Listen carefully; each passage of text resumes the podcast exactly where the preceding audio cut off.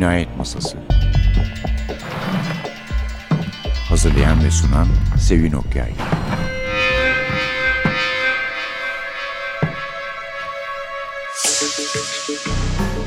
Merhaba, NTV Radyo'nun Cinayet Masası programına hoş geldiniz. Yeni bir yayın evi, daha doğrusu bizim programımız için yeni bir yayın evinden bir kitap sunuyoruz. Size yayın evinin adı İlkim Ozan yayınları. Kitabımızın adı Bir Av Dramı ya da Drama Na Ojote orijinal adıyla ve Levent Özübek tarafından Türkçe çevrilmiş. Yazarı da Anton Çehov. Çok yoksul bir ailesi var. Onlara yardım etmeye çalışıyor sürekli. Anton Çehov 1884'te tıp fakültesini bitirdi, doktor oldu. Ama dediğimiz gibi gene fazla para kazanamadı yoksul hastalarına ücretsiz baktığı için. Ancak o sıralarda yazdığı, henüz okuldayken yazdığı bir av dramı ilk uzun eseri olarak bir gazetede 32 bölüm olarak tefrika edildi. Ve burada da aynı şekilde bozmamak için orijinal formunu 32 bölüm olarak sunmuşlar. Bir piyanist var elbette ve sonra Levent Özübek'in çevirmenin notları var kitap hakkında. Ve ne yazık ki 43 yıllık kısacık yaşamını 1904 yılında tamamlayan yazarımızın da tek romanı olarak kalmış. Fakat İngiliz eleştirmenlere göre Victoria döneminde yani o sıralardaki Victoria döneminde yazılamayacak kadar özgür ve serbest bir şekilde yazılmış bir kitap ki şimdiye bakarsanız hiç denebilir yani.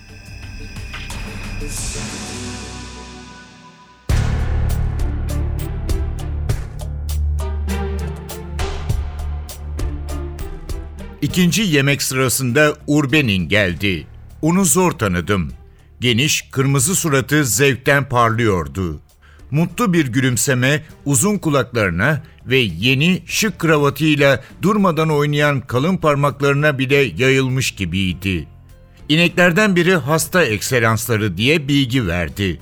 Veterineri çağırttım ama bir yerlere gitmiş. Şehirden başka bir veteriner çağırmak gerek ama ben çağırsam gelmez. Ancak siz yazarsanız o zaman başka olur. Hastalık belki önemsiz bir şeydir ama belki de ciddidir. Bilemiyoruz. Peki yazayım diye mırıldandı Kont. Sizi tebrik ederim Piotr Yegoriç dedim ve elimi kahyeye doğru uzattım. Ne vesileyle dedi alçak sesle. Ne mi? Evlenmek üzereymişsiniz. Evet evet düşün bir evlenecek dedi Kont mahcubiyetle kızaran Urbenin'e göz kırparak. Görüyor musun sen? sustu sustu hiçbir şey söylemedi. Sonra aniden al sana hem biliyor musun kimle evleniyor? Bunu o akşam tahmin ettik. Aynı zamanda Piotr Yegoriç sizin o haşarı kalbinizin iyi durumda olmadığına da karar vermiş.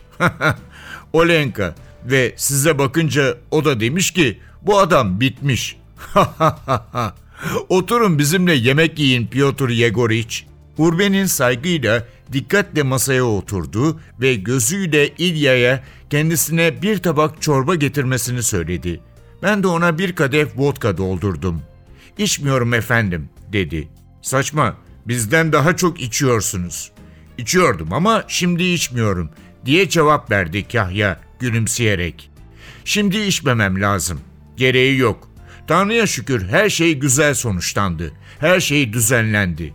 Hepsi tam gönlümün istediği gibi oldu. Beklediğimden de iyisi oldu.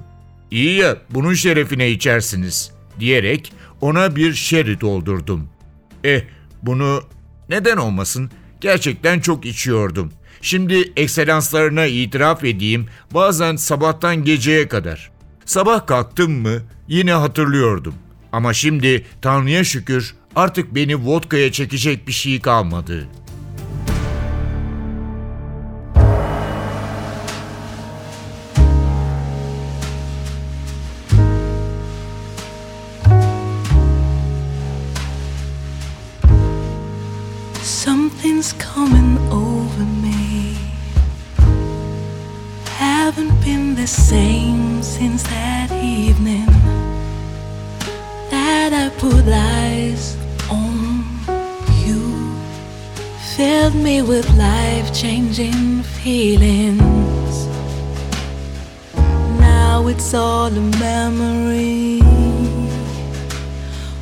You are is a mystery. I do almost anything to get back to that night. I miss you. Wish that you were here with me. It felt so happened that night. Only that night. Only that night.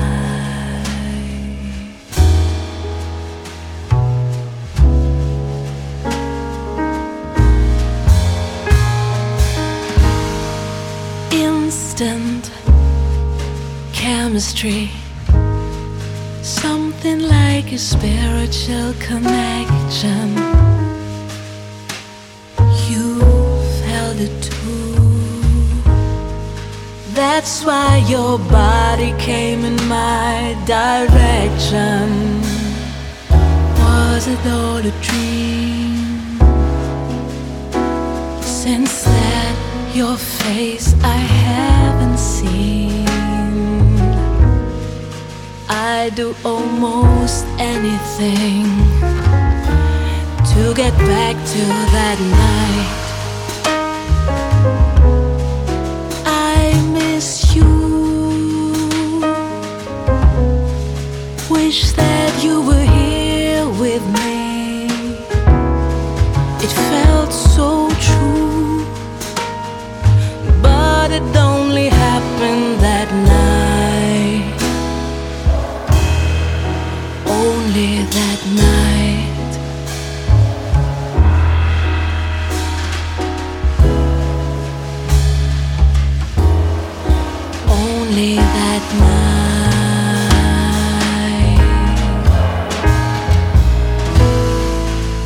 Why do you have to be so far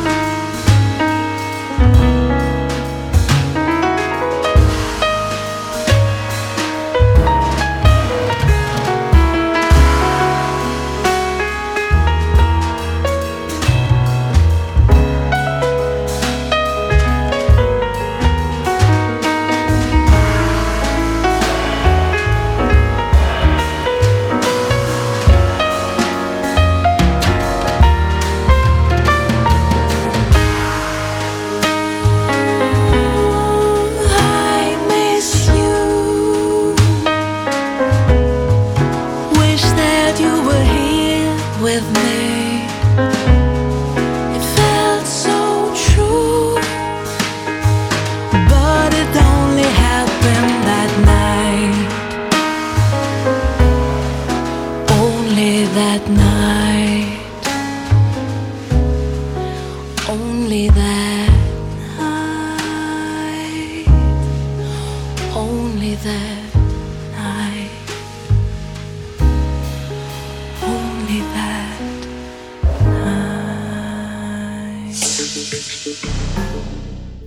İngilizce adı da The Shooting Party olan bir av dramı filmi de The Shooting Party diye oynamış. Bir Mos film filmi, bir Sovyet filmi. Bu Sovyet filmi 1977'de yapılmış ama Amerika'da mesela 81'de ancak oynayabilmiş. Aynı isimde bir Amerikan filmi de yapılmış. Ve aynı isimde bir İngiliz filmi de var The Shooting Party fakat bundan çok farklı bambaşka bir konudur. James Mason av için malikanesine dostlarını çağıran zengin toprak sahibidir. John Gielgud da hayvanlarla akrabalığımızı koruyan bir eylemci. Çok da hoş bir filmdir ama dediğimiz gibi bununla bir ilgisi yok. Peki bizim filmimiz ne anlatıyor? Bizim filmimizin bir tane kadın kahramanı var. Sarhoş ve aynı zamanda akli melekelerini de yitirmiş bir ormancının kızı bu çok güzel kızı Olga. Kitabımızın erkek karakterleri, başlıca erkek karakterleri onunla kontun mülkünde, malikanesinde çok büyük bir arazisi var. Karşılaşıyorlar. Gezmeye çıkmışlar, yürüyüşe çıkmışlar ve içine onu görüyorlar. Kırmızılar giyinmiş, çok güzel sarışın, ufak tefek bir kız. Ve hepsi birden hayran oluyor aynı zamanda. Hepsi kim oluyor? Bunların bir tanesi bir sorgu hakimi, sorgu müfettişi ve hiç istemediği halde arkadaşı Kont'un malikanesine gitmiş. İstemiyor çünkü aslında sakin bir adam. Mazbut sayılabilecek bir hayatı var. Ama Kont'un yanına gittiği zaman Kont hiç durmadan içtiği için o da ona kapılıyor ve kontrolünü kaybettiği için kendine sinirleniyor. Sonunda gidiyor ama gene bir Polonyalı konuğu var. Kont'un. Aynı zamanda bir kahyası var. Urbenin diye. Orta yaşlı bir adam bu. Karısı ölmüş iki tane çocuğu var. Bir de sonradan dahil olan birisi var ama bunun için kitabın girişine başvurmamız gerekecek.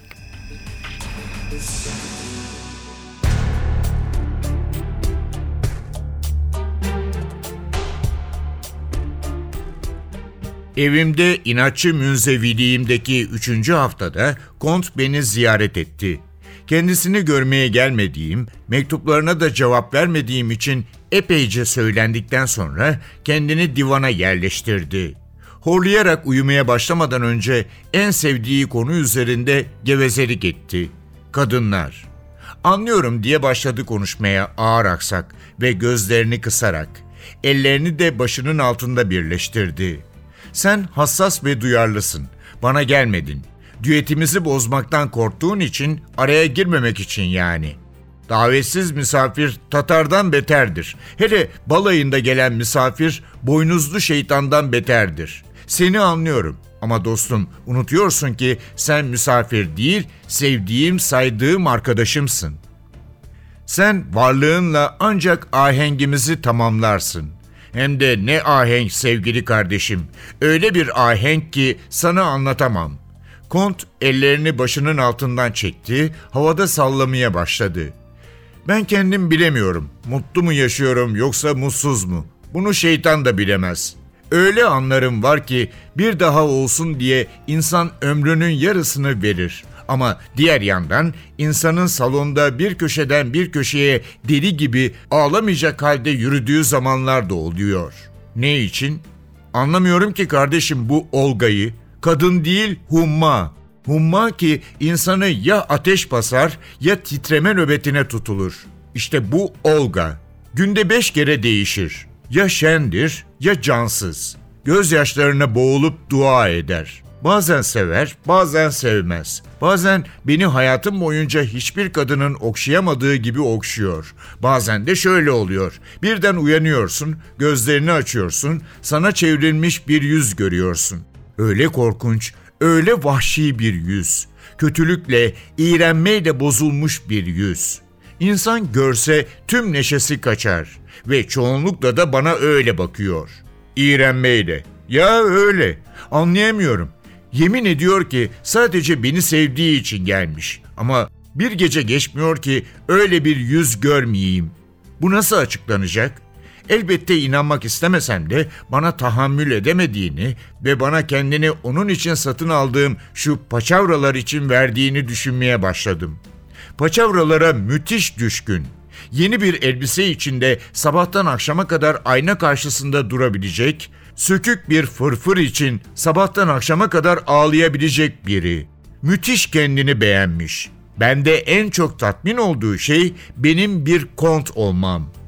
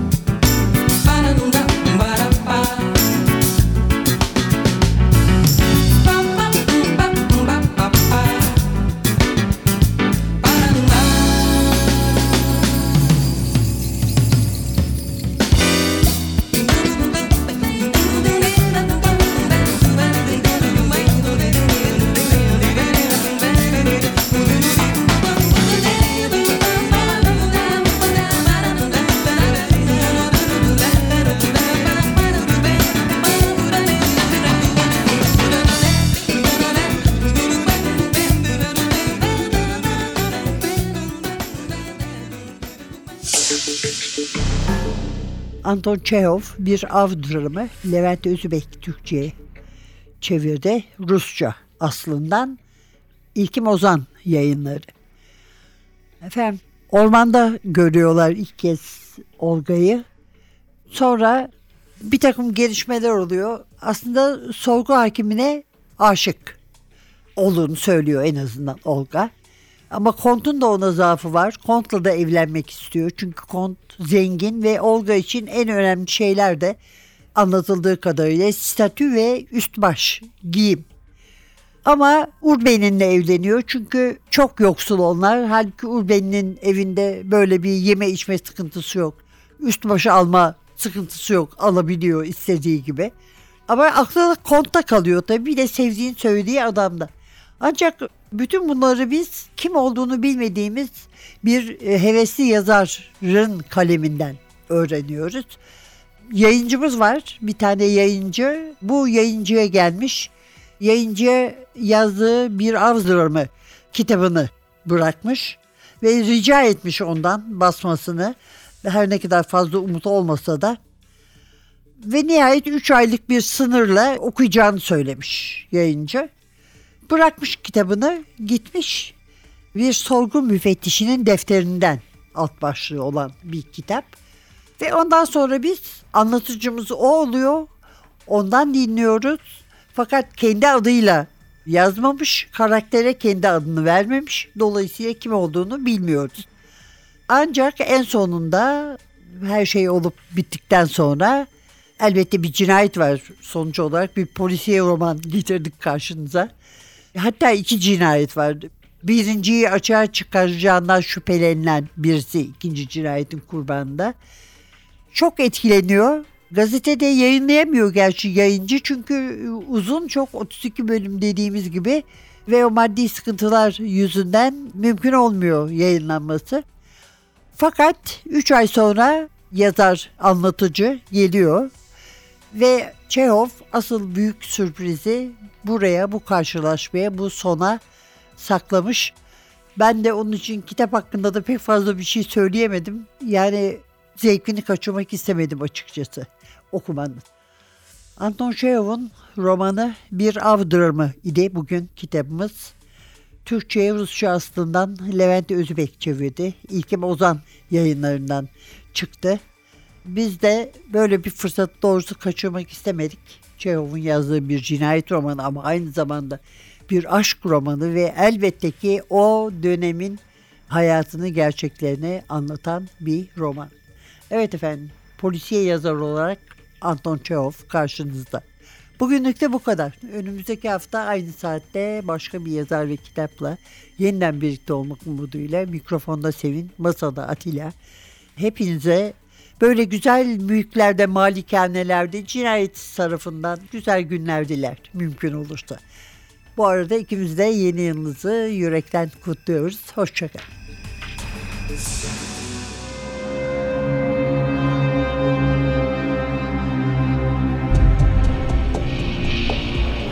Cinayet Masası